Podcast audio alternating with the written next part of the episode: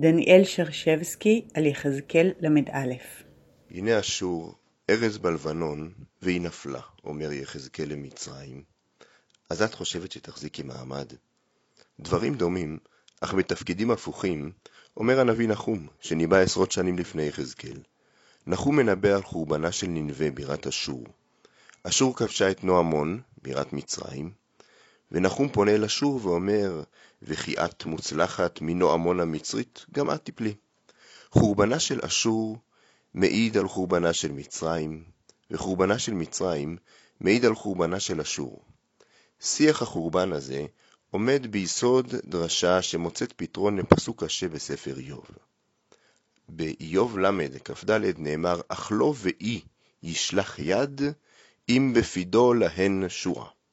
על כך אומר המדרש, אמר רבי אבאו, אין הקדוש ברוך הוא מכה אומה ומושיבה צידו, צידו זה שוממה, אלא מביא פיד, הכוונה שבר, לזו ומשעשעה בזו. מביא פיד לזו ומשעשע בזו. הביא פיד לאשור ושיעשה במצרים, התתבי מנועמון. הביא פיד למצרים ושיעשה באשור, הנה אשור ארז בלבנון, אצלנו ביחזקאל. כך בפסיקתא דרב כהנא, פסקה ט"ז, פרשת נחמו. כאשר הקדוש ברוך הוא מביא שבר על אומה, אומר הדרשן, הוא לא, הוא לא מותיר אותה שוממה, אלא מביא אומה אחרת שתשעשע אותה. מה פשר השעשוע הזה? רש"י בפירושו לאיוב מפרש את השעשוע כנחמה.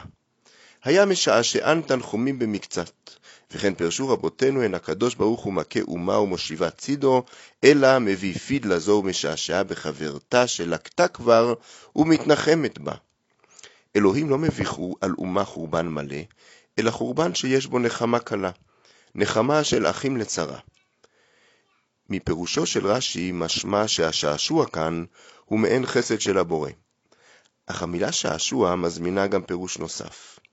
המילה שעשוע נושאת משמעות של משחק. המדרש מארגן את העולם כולו כלוח משחק של אלוהים. ממלכות קמות וממלכות נופלות.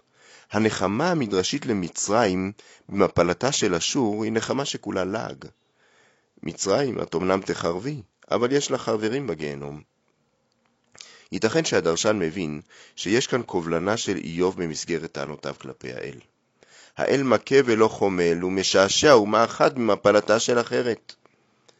אך ייתכן שלא קובלנה יש כאן, אלא שעשוע שמתקבל מהפער שבין נקודת המבט האנושית לזו האלוהית.